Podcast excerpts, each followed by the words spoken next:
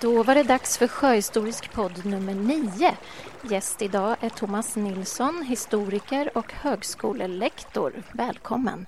Tack! Vi ska prata om sjömän och då framförallt sjömän i hamn. Du har bland annat skrivit om sjömän och brottslighet. Hur kommer det sig att du intresserar dig för just sjömän på land? Ja, ehm, det är en bra fråga faktiskt. Jag har inget som kan säga, sjöbakgrund alls. Jag är så landkrabba från inre delarna av Sverige. Men eh, av någon anledning så blev jag via faktiskt Leos Müller på Semas intresserad just av det här. Vad, vad gör sjömän egentligen? Vad är det för personer och så vidare. Och då blev det så att jag tittade på vad de gjorde i, i hamn alltså. Ja, jag har en dålig förklaring där men jag har ingen bättre alltså. Och SEMA som vi förklarade? Mm. Ja, det är Center for Maritime Studies på, eh, i Stockholms universitet då. Och under mellankrigstiden i Göteborg förekom många sjömän i polisens register som du har tittat på. Vad, vad var det för brott som det handlade om? Framförallt var det då fylleribrott. Jag tror att av de ungefär 700 olika brott som jag hittade under, eller som jag studerade under 1920 så var väl ungefär 75 till 80 procent rena fylleribrott alltså. Man blir, blir anhaffad för att man var full och störde ordningen på gatan och så vidare. Eh, sen har vi då våld, våldsbrott. Eh, ofta faktiskt i kombination med fylleri då, att man var berusad, man, man slogs med andra sjömän eller överföll eh, andra män framför allt då. Eh, ett annat spännande faktiskt eh, säga, rubrik har jag kallat för motstånd. Det vill säga när man då blir haffad av polisen så, så skedde det någonstans i, i, på, på, på en gata. Sen skulle man då transporteras till häktet eller polisstationen. Alltså man gick ganska synligt på gatan och följd av en polis då. Och då var det liksom skämmigt för den här sjömannen att, att inte bjuda motstånd mot polisen. Så jag kallar det för, för liksom sån performativ performative violence. Alltså våld som teater ungefär. Man, man var, de som blev haffade då sjömän var tvungen att liksom visa att man inte alls följer med frivilligt utan då försöker man slita sig loss, man sätter krokben för polisen, man försöker eh, slita sig loss med, med danska skallar, man eh, slår poliserna. Det finns liksom långa beskrivningar vad de här gör. Men eh, i de flesta fallen så hjälper inte det utan man blir då släpad till häktet trots allt. Men det är en sån här liten rolig, eh, åtminstone för oss som sitter som så här 90 år senare, att läsa om detta. Eh, så att fylleri våld av olika form, ofta kombinerat med fylleri eller ska säga, det här motståndet. Det skulle jag vilja säga är de tydliga brotten. Och sjömännen som du har tittat närmare på då de fanns i Göteborg år 1920. Varför blev det just det här årtalet som du studerade? Mm. Eh, det var för att jag är intresserad faktiskt av mellankrigstiden. Då, för den är, ur ett shippingperspektiv eller sjöfartsperspektiv så händer rätt mycket. Dels är det liksom två lågkonjunkturer. Dels i början på 20-talet och sen då den här stora depressionen. Vilket gör liksom att, att eh, vi har perioder av eh, högkonjunktur där liksom alla får jobb. Och sen har vi två perioder där det är väldigt, väldigt svårt för sjömän att, att uh, göra det. Alltså de, de är, kan vara sjömän, jobba på fartyg och så. Så att det här är egentligen, jag skulle vilja se som en start på en process. Att, uh, Nästa gång så tar jag 1930 och sen sa jag 1939 eller någonting sånt. Så det här är liksom ett första nedslag, en liten pilotstudie. Eh, och då har jag tittat på sjömän men jag tänker också titta på eh, hamnarbetare som en slags jämförelsegrupp. För att nu säger vi okej, okay, sjömännen var bråkiga på det här sättet. Men hur var det med hamnarbetarna som till stor del faktiskt var före detta sjömän? Så att, eh, och de har ett rykte om att vara ännu så besvärligare än, än sjömän när det gäller att dricka, att, att bråka och så vidare. Kan du ta oss med till eh, Göteborgs hamnkvarter vid den här tiden? Hur, hur var det då? Mm. Eh, hamnkvarteren är ju jättespännande som en företeelse, inte bara i Göteborg utan på, på engelska kallas de för Sailor Town. Det var liksom det kvarteren där, där det fanns så barer, det fanns prostituerade, det fanns eh, ofta så här inkvartering, alltså man kunde hyra rum eh, för sjömän och så vidare. Eh, och i, när det gäller Göteborg så tycker jag om man tittar historiskt sett på det så kan man nog ja, faktiskt hitta tre stycken eh, Sailor Town eller, eller hamnkvarter då. Den första som ligger eh, i Majorna, eh, det som idag kallas för Röda Sten. Eh, det var den hamnen som fanns, den naturliga djuphamnen för att Röda Sten så var hamnen in, efter Röda Sten inte tillräckligt djup för fartygen. De var tvungna att stanna där, lasta om på mindre båtar och transportera upp till Göteborg. Så det är det första sailorten och där kryllade det av, av mm, barer och, och krogar och sånt där. Liksom. Det var liksom ökänt område. Det var rätt eh, våldsamt och farligt eh, att, att vistas där. Poliserna gick inte gärna in där eh, utan att ha liksom, vara två och två och så vidare. Eh, sen när, när man börjar muddra hamnen, alltså, eller, eller man muddrar älven eh, efter 1850 så flyttar hamnen närmare och närmare liksom centrum av Göteborg. Och då får vi då det som jag har undersökt, det är Sailor Town eller det hamnkvarteret. Eh, och det ligger då, eh, om, om ni känner till Göteborg, så där Stena, eh, Danmarksterminalen ligger.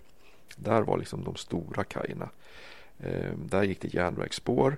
Där fanns det ska säga, upplagringsställen eller hamnskjul för varorna och så vidare.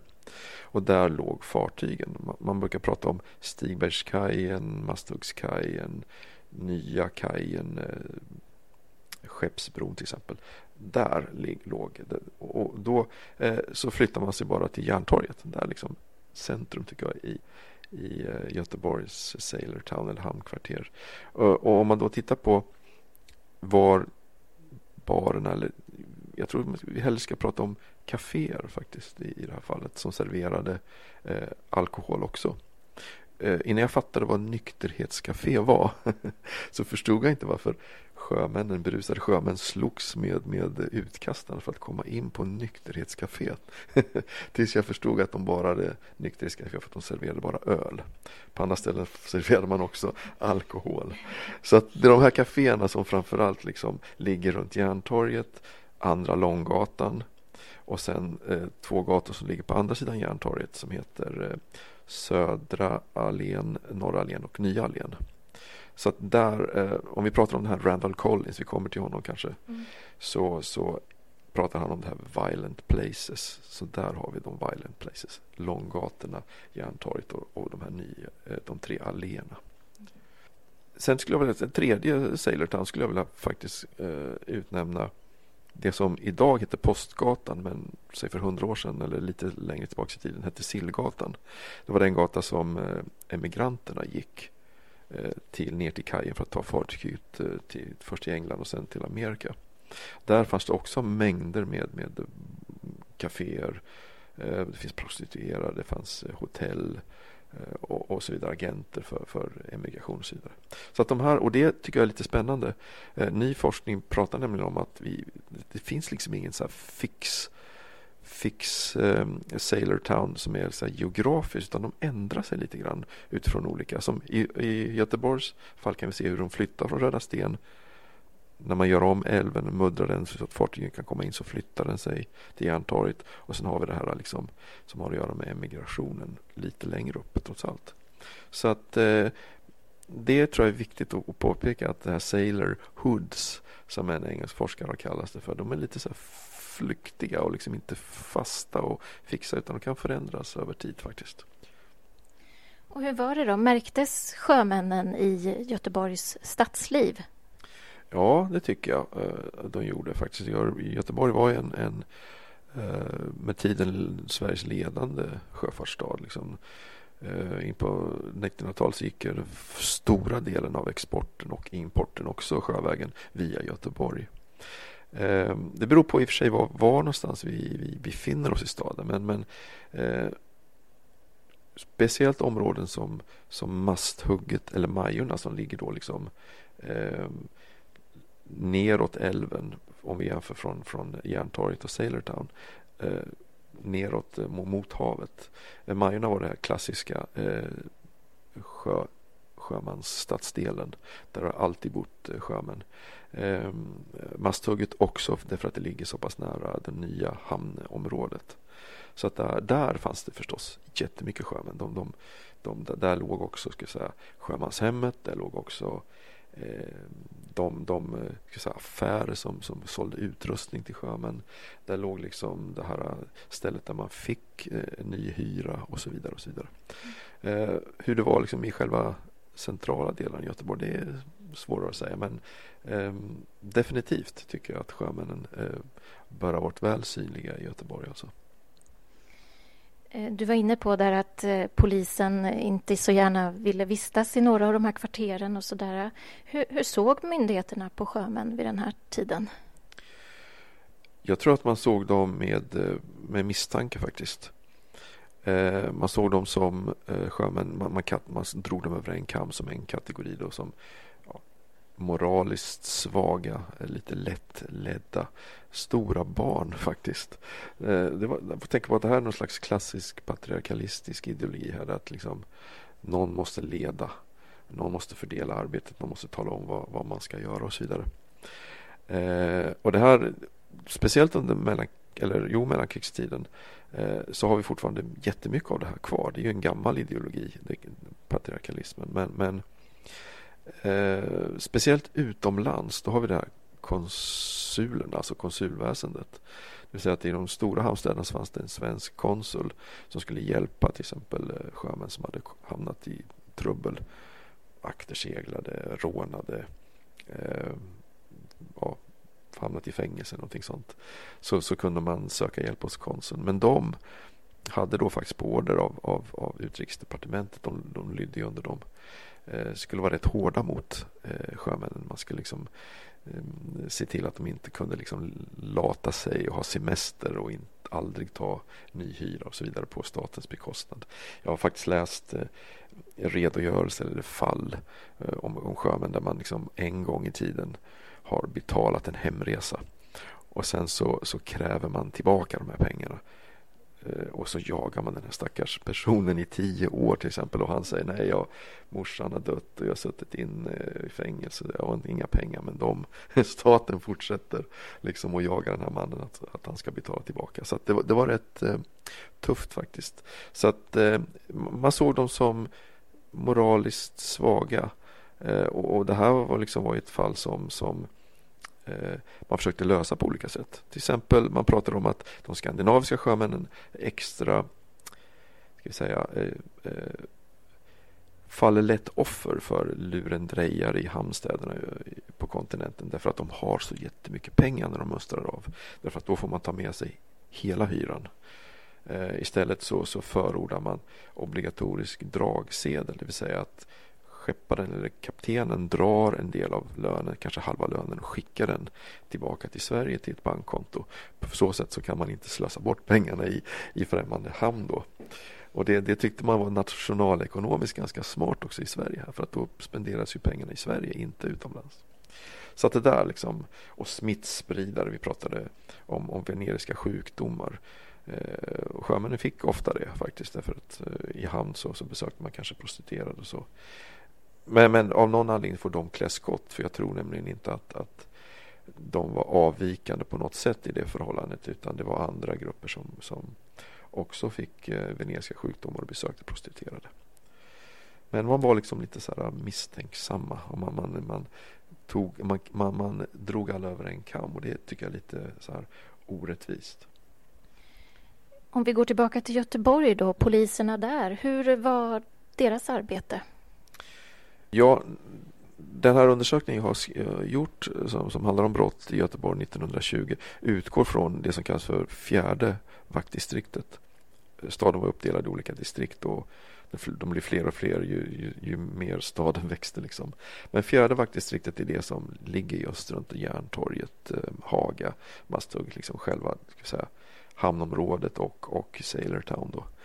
Ehm, polisen vid den här tiden var ju kommunal faktiskt. Det var ingen statlig polis utan de, de var liksom avlönade av, av Göteborgs stad.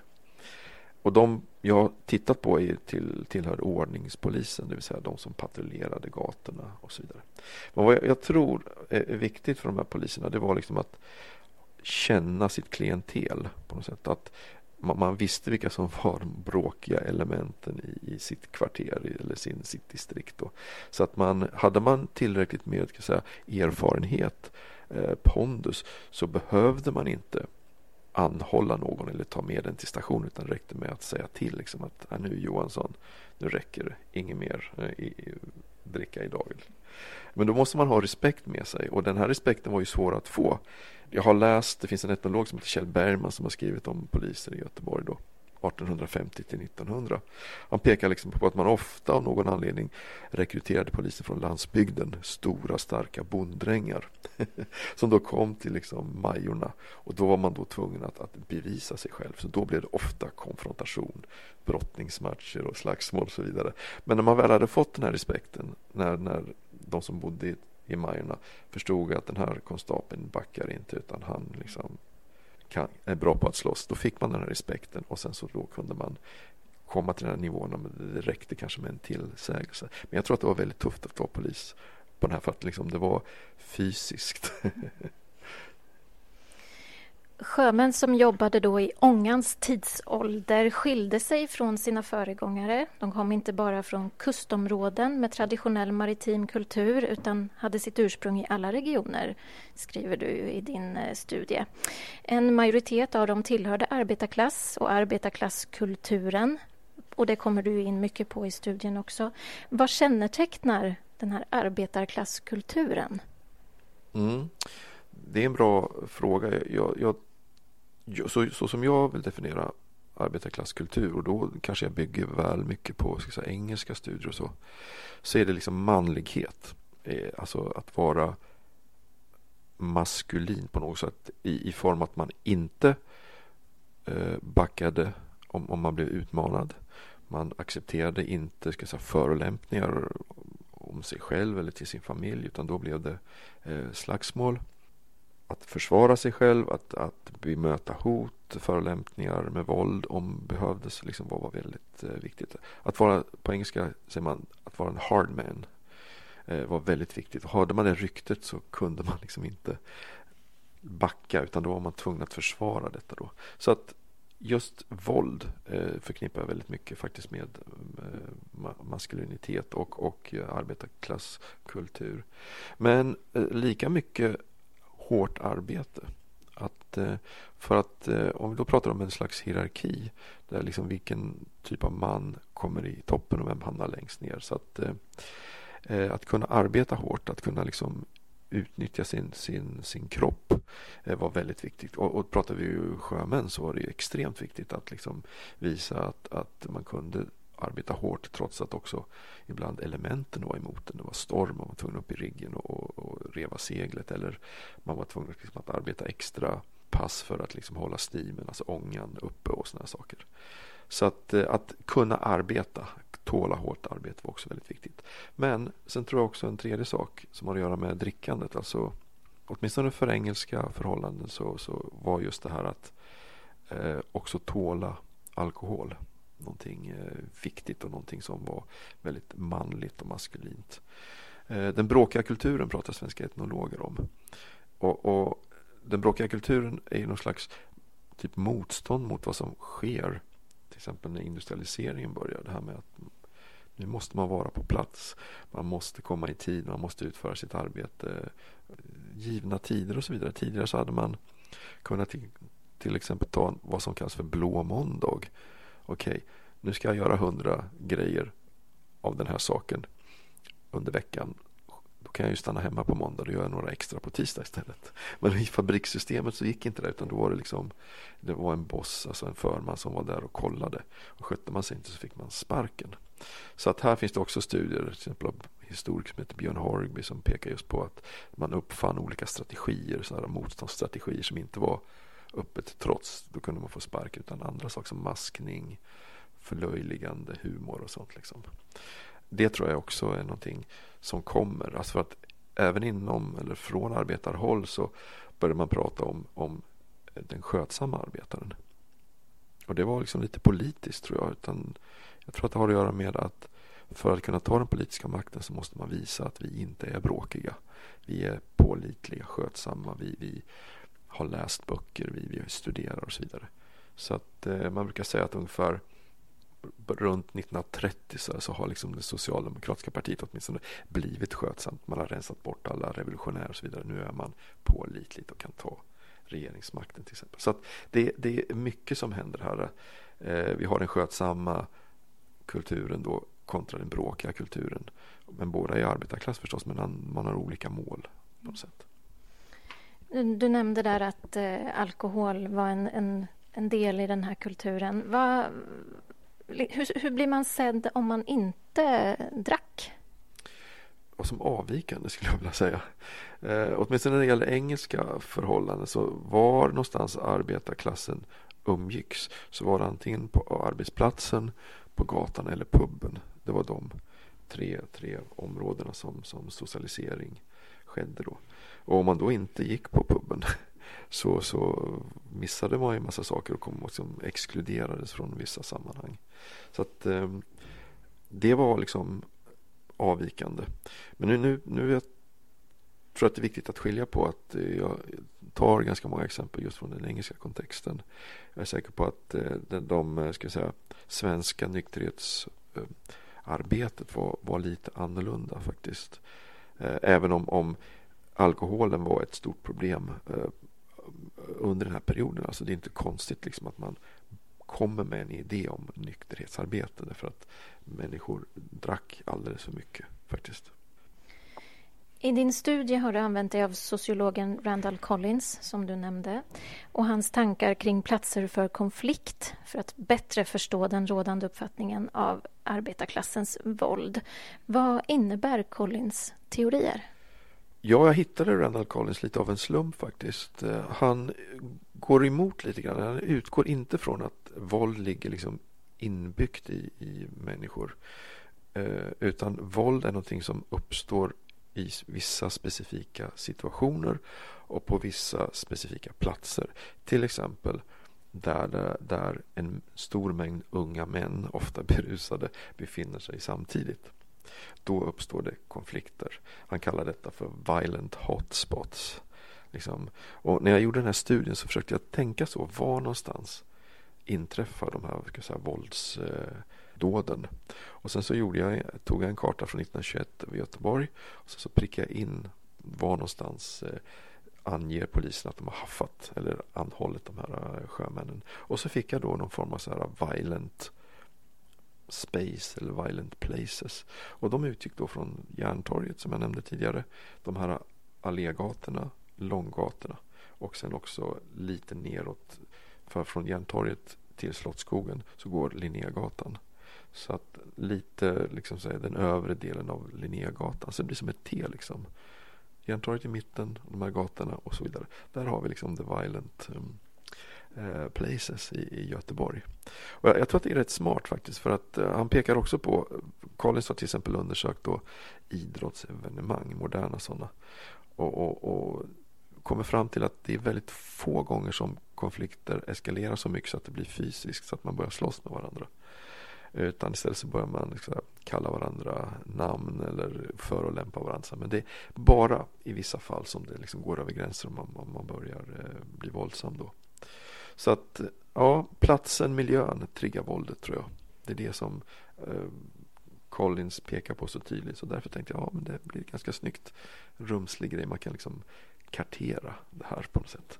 Eh, och sen så kan man se, okej, okay, varför sker det så mycket så här, våldsdåd just på Järntorget till exempel? Jo, därför att till eh, Järntorget mynnar alla de här gatorna med kaféerna ut. Så när man då blir utslängd från kaféet så hamnar man på Järntorget tillsammans med andra berusade män. Ja, då, då, då händer saker. Du har ju studerat polisens register noga och identifierat de här olika brotts, eh, brotten. Eh, hur ser det ut bakom de här siffrorna då? Vilka var sjömännen som begick brotten? Eh, ja, generellt ska man säga att det var, det var yngre män. Alltså. Man brukar säga att det finns väldigt få sjömän efter 40. Nu har man inte gjort någon bra studie på svenska förhållanden utan det är sådana här studier lite mindre som min och någon annan och så vidare. Men eh, i Holland har man gjort en väldigt omfattande studie av detta och kom fram till att det fanns väldigt några procent bara som var yrkesverksamma efter 40. Och det kan man ju diskutera vad det beror på. Är yrket för hårt så att man slits ut? Man börjar väldigt tidigt gå till sjöss. Eller är det så liksom att eh, man vill ha, bilda familj helt enkelt och stanna kvar på landbacken? Jag vet inte, en kombination tror jag.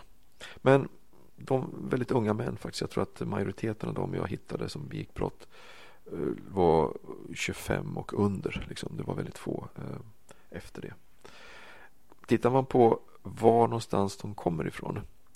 Så i min studie eh, så var ungefär 50 procent av dem som haffades, anhölls, bodde på båtar som liksom låg i Göteborgs hamn för att lassa eller lossa. Liksom. Och de hade ingen som helst anknytning egentligen till Göteborg utan det var bara sjömän. Och det är den här stereotypen tror jag. när sjömän inte arbetar så går de ut och gör någonting på, på stan då.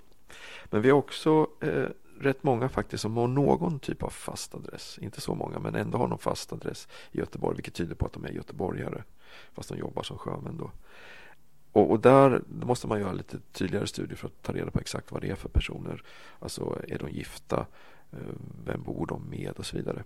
Tittar man på de som är inneboende så, så är det ofta så faktiskt att man bor antingen hos släktingar och då är det ofta så här eh, mellan törnarna till exempel när man är i hamn så bor man hemma hos morsan till exempel. Det, det, är väldigt, väldigt eh, vanligt. Och det var ju ganska praktiskt. Då slapp man ha ett boende någonstans utan varje gång man var hemma så bodde man hemma där man kom ifrån. Eller så bodde man hos andra släktingar. Det kan vara bröder, det kan vara eh, ja, någon annan form av eh, släkting. Eller så bodde man på sjömanshemmet. Det var rätt dyrt i och för sig, så det var bara vissa som kunde. Sjömanshemmet låg just vid Masthuggstorget i Sailortown. Eller så bodde man mycket billigare på, på Frälsningsarméns eh, härberge i Majorna. Eller så finns det en jättestor grupp faktiskt som, som det står utan känd adress. Vilket jag tyder på någon form av hemlösa personer. Något slags proletariat. Och sen finns det då, ska säga, inte så många men några eh, åtminstone från utlandet som ja, jag antar att de ja, det, det, här måste man undersöka lite mer men som sagt yngre män hälften av dem kommer från båtar bara därför att eh, hämta last eller lassa, eh, lossa last i Göteborg. Väldigt mycket tillfälliga boenden. Och, och då, precis som systemet såg ut i Sailortown på kontinenten så, så var det liksom, Sailortown var en kombination av, av eh, säga, ställen där man kunde dricka alkohol. Det kan vara krogar, barer, kaféer. Eh, kombination av, av liksom prostitution och också boende faktiskt. Det var ofta så att kaféägaren hade övervåningen kunde man hyra eh, in sig. Eh, när det gäller prostitution för en timme eller så.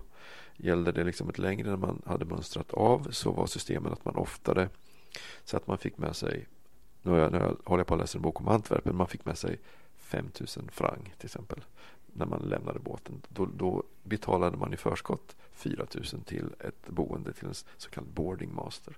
Sen bodde man där så länge 4000 räckte. Då slapp man bekymra sig för, för det. Liksom. Och sen när man behövde leva på krita då, eller på, på kredit. Då, då sa nästa gång du får hyra får du förskott. Då får du betala med förskottet den skuld du har åsamkat dig eller dragit på dig. Liksom. Och där blev man ju ofta lurad på kontinenten. att Har jag druckit så här mycket? Ja, det har du. Liksom. Och så, så 10 000. ja, men, men ehm, när det gäller Göteborg så är inte då den här, det är liksom en ganska liten hamnstad i jämförelse med de på kontinenten. Då, så att, eh, själva systemet av det här med lurendrejeri och så vidare tror jag inte var så utbyggt som till exempel i Antwerpen som ansågs vara den absolut värsta staden ur den synpunkten. Så vad skulle du säga att det beror på att det fanns så många sjömän i polisens register 1920? Ja, jag, jag tror ju att för det första så är de sjömän vi hittar i registren vi vet inte hur stor andel de utgör av samtliga sjömän. Då skulle man behöva jämföra med hur många sjömän finns det i Göteborg och hur många blir, alltså, hamnar i klammeri med rättvisan. Vi får också jämföra sjömän med andra grupper. Jag pratade tidigare om hamnarbetare. De var ju precis lika goda kålsupare, Faktiskt hade till och med ett ännu sämre rykte än sjömän. Ehm, det finns inga sådana undersökningar gjorda så det vet vi inte. Men vi kan ju säga så här att, att eh, sjömän eh, då den här stereotypen att när man väl har varit ute till sjöss några månader så vissa norska sociologer pratar om kanalfeber, channel fever. Man, så fort man börjar närma sig land så börjar det liksom krypa i kroppen. Nu måste vi dricka alkohol, hitta prostituerade etc. Eh, men man hade en osäker tillvaro. Liksom. Eh, man hade ingen fast boende i, i Göteborg utan man var där tillfälligt. Man var unga. Eh, man var inte så säga, stadgad än och hade ingen här, mm, familj än att ta hänsyn till. Äventyrslystnad förstås. återigen det jag pratar om det här med unga eh, män berusade på samma ställe. Eh, det finns något som heter Type A personality.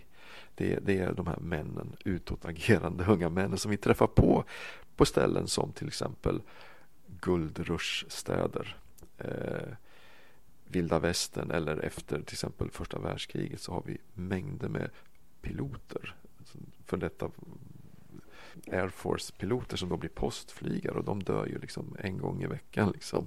Alltså, de har någon slags sån här personlighet utåtagerat. Det är mycket möjligt att liksom, vi har en massa sjömän med den typen också. Det, alltså, det, här är spekulationer än så länge. Utan det här måste vi vad heter det, undersöka mycket tydligare. Och då kanske vi upptäcker att vi har att göra med en stereotyp. Det är inte alls så att sjömän är, är mer benägna att, att göra de här sakerna utan ja, det finns andra grupper som är precis lika benägna, vilket jag tror faktiskt. Engelske historikern Robert Lee menar att den här stereotypa bilden av sjömannen som någon som går till prostituerade, dricker och slåss härstammar från ett alltför snävt fokus på beteendet hos unga män i hamnstäder tillbaka från långa resor. Hur skulle du säga att den här stereotypa bilden stämmer överens då med verkligheten efter att ha tittat på de här sjömännen i Göteborg? Ja, alltså grejen är väl att de sjömän som man hittar, de som uppfyller stereotypen, det är ju bara de vi har att, att, att arbeta med, eller de som jag har aktivt letat efter. Robert Lee har ju letat efter den andra personen. De som inte berusar sig, inte hamnar i slagsmål och så vidare, utan går på museer eller dricker te i Slottsskogen eller någonting sånt. Eh, de har jag inte letat än efter. Så att, eh, eh, det är svårt att säga faktiskt, men det är, det är en jätteviktig uppgift att nyansera bilden av sjömän och inte bara utgå från en, en stereotyp bild av att alla sjömän är på det här sättet. För det tror jag inte alls. Eller jag vet att det inte är så. Det gäller bara liksom att hitta någon form av, göra en studie för att kunna säga, liksom få lite mått, eh, perspektiv på de här sakerna. Men, men eh, Robert Lees uppsats eh, är jätteviktig för det är den första faktiskt som pekar på att det går att, att, att hitta de andra, de som inte är stereotyper faktiskt. Och det, det är jätteviktigt att göra. Var det någonting som förvånade dig när du tittade på det här materialet? Nej. Jo, det var kanske så att, att eh, våldsbrotten var mycket, mycket mindre än, än antalet fylleriföreteelser. Det tror jag nog eh, var så. Jag vet inte varför för det, för när man läser andra studier om poliser så vet man ju att från 1850-1900 så var det liksom 80% fylleri generellt i samhället. Liksom. Det var det som man togs in för. Eh, så kan man diskutera liksom om ändrade åsikter om fylleri. Det kanske blev så att säga mindre accepterat så därför togs man in av polisen mycket lättare än man hade gjort 50 år tidigare kanske. Men det som som jag har tänkt nu som jag inte riktigt skrev ut i den studien. Det var just det här eh, ska säga, som jag skulle vilja undersöka mer. Eh, det är den här ska säga, motståndsstrategierna mot inte att bara vara våldsam, inte utföra det här ska säga, våld som teater, performative violence, utan andra mer subtila saker. Som att stå mitt i gatan till exempel och prata med sina kompisar och vägra flytta på sig för att konstapeln säger det ja, det finns jättemånga sådana här saker där man liksom på något sätt opponerar sig mot vad, vad konstaplarna säger. Den skulle vara spännande att liksom försöka undersöka. Sen en annan sak som, som jag tror har att göra med någon form av sexualiserat våld. För nu, nu finns det, och som jag inte riktigt greppade liksom när jag tittade på materialet, det var liksom att det måste finnas massor med, med sexuellt inriktade brott riktade mot kvinnor helt enkelt. För det, det finns, fast de är omskrivna på ett annat sätt med dåtidens eh, Eh, språkbruk. Eh, man, man liksom antastar på så sätt man går efter, eh, skriker efter en kvinna, drar en kvinna i armen och så vidare. För att under den här tiden så var de sexuella säga, brotten rätt uppenbara faktiskt. Men det är först kanske inom hemmets vägnar som de blir riktigt tydliga. Men här tycker jag om man hade, om jag hade kodat om lite grann vad, jag egentligen, vad de här brotten egentligen innebär så, så tror jag att jag hade hittat betydligt fler av den typen där liksom kvinnorna faktiskt är utsatta för någonting eh, som har att göra med någon form av sexuellt eh, agerande. Har du någon uppfattning om hur eh, brottsligheten bland sjömän sen utvecklades över tiden? Ja, jag, jag tror så här, eftersom man, om man går tillbaka i tiden så ser man ungefär samma mönster som 1920 då. Och jag tror att vi upptäcker, kommer att finna ungefär samma mönster under, så här, om vi tittar, fortsätter under äh, mellankrigstiden, 30-talet, krigsåren det vet jag inte riktigt. Men ända fram till 50-talet så tror jag då. Därför att hamnen och, och sjöfarten fortfarande såg ut på samma sätt. Man kom in med styckegods, man lossade, lastade det centralt nära det så kallade Sailortown där, där alkoholen och de prostituerade fanns. I 60-talet så börjar liksom, eh, sjöfarten i sig förändras. Vi får containertrafiken eh, vilket gör att, att fartygen blir mycket större. Eh, hamnarna flyttar ut närmare havet. Eh, de blir så inhägnade och liksom inte tillgängliga för någonting annat än, än att lasta eh, och, och lossa containers. Och liggtiderna för fartygen blir mycket, mycket kortare. Eh, nu är man ju uppe i sådana här absurt korta man kan lossa ett helt fartyg på 24 timmar och så är man borta igen. Liksom. Vilket gör att ja, det finns liksom inget, ingen tid för att eh, vara ute och svira på, på stan. Så jag tror att den här typen av brott vi såg, att man kunde vara en vecka i hamn som då gav upphov till att man kunde vara ute och, och, och dricka kanske ett antal dagar och hamna i klammeri med rättvisan. Försvinner av sig själv liksom. Så att, men det är mycket möjligt att det, det beteendet finns kvar i de stora hamnstäderna på kontinenten. Men just för Göteborg så, det har jag inget belägg för men det är bara min gissning vad jag tror man kommer att hitta om man eh, fortsätter längre fram i tiden. Och din eh, studie här kommer publiceras inom ja, kort? Den, jag pratar, jag har, det här är ett samarbete med forskare eh, i Portsmouth. Portsmouth är spännande för det, dels är det Royal Navys hemmahamn. Liksom.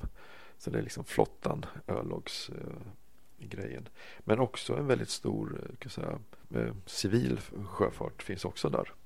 Så att eh, de har gjort studier utifrån detta som man skulle kunna applicera på, på eh, Göteborg till exempel. Just det här med det jag pratade nämnde tidigare, Sailor Town som liksom flytande och föränderliga och så vidare. Kommer från idéer man har gjort där. Och det som jag skulle vilja göra, och det skulle vara jättespännande. Vi har faktiskt sökt jättemycket pengar från engelska finansiärer för att göra en jämförelse mellan, mellan eh, London och Göteborg under 200 år. Just med, med, med det här med, det handlar om otherness, alltså det här olika, alltså är sjömannen någonting avvikande eh, i, i samhället eller vad, är sjömannen för någonting? Att man gör olika karteringar. Det vill säga man, man tittar på Varbiksbrotten som jag pratade om utifrån Randall Collins, de här eh, places of violence, prickar in dem på en karta. Sen frågar man var fanns pubbarna, var fanns krogarna? Jag är säker på att man hit, de kommer att ligga ganska nära brotts, brottspunkterna då. Och sen kan man ju lägga in till exempel andra raster som boende, eh, underhållning som inte är rent eh, biografer, music hall när det gäller England och så vidare. Så att man får olika lager så kan man få jättespännande. Eh, och gör man det över en lång period av tid så kommer de här att flyta runt sig och förflytta sig. Att under en period är det de här gatorna som är centrala. Sen kommer någonting händer och så får vi ett nytt centrum för detta. Liksom. Det skulle jag jättegärna vilja göra. Spännande. Då får vi önska lycka till och hoppas att det blir av. Ja, tack, tack. Och tack för att du var här idag, Thomas. Ja, det var bara mitt nöje. Du hittar våra tidigare poddar på Sjöhistoriskas webbplats, Soundcloud, iTunes eller Acast. Och du får gärna höra av dig till oss och önska ämnen som du tycker vi ska ta upp. Mejla då till podd maritima.se eller använd hashtaggen sjöhistoriskpodd. Ha det gott hälsar jag Carolina Blad.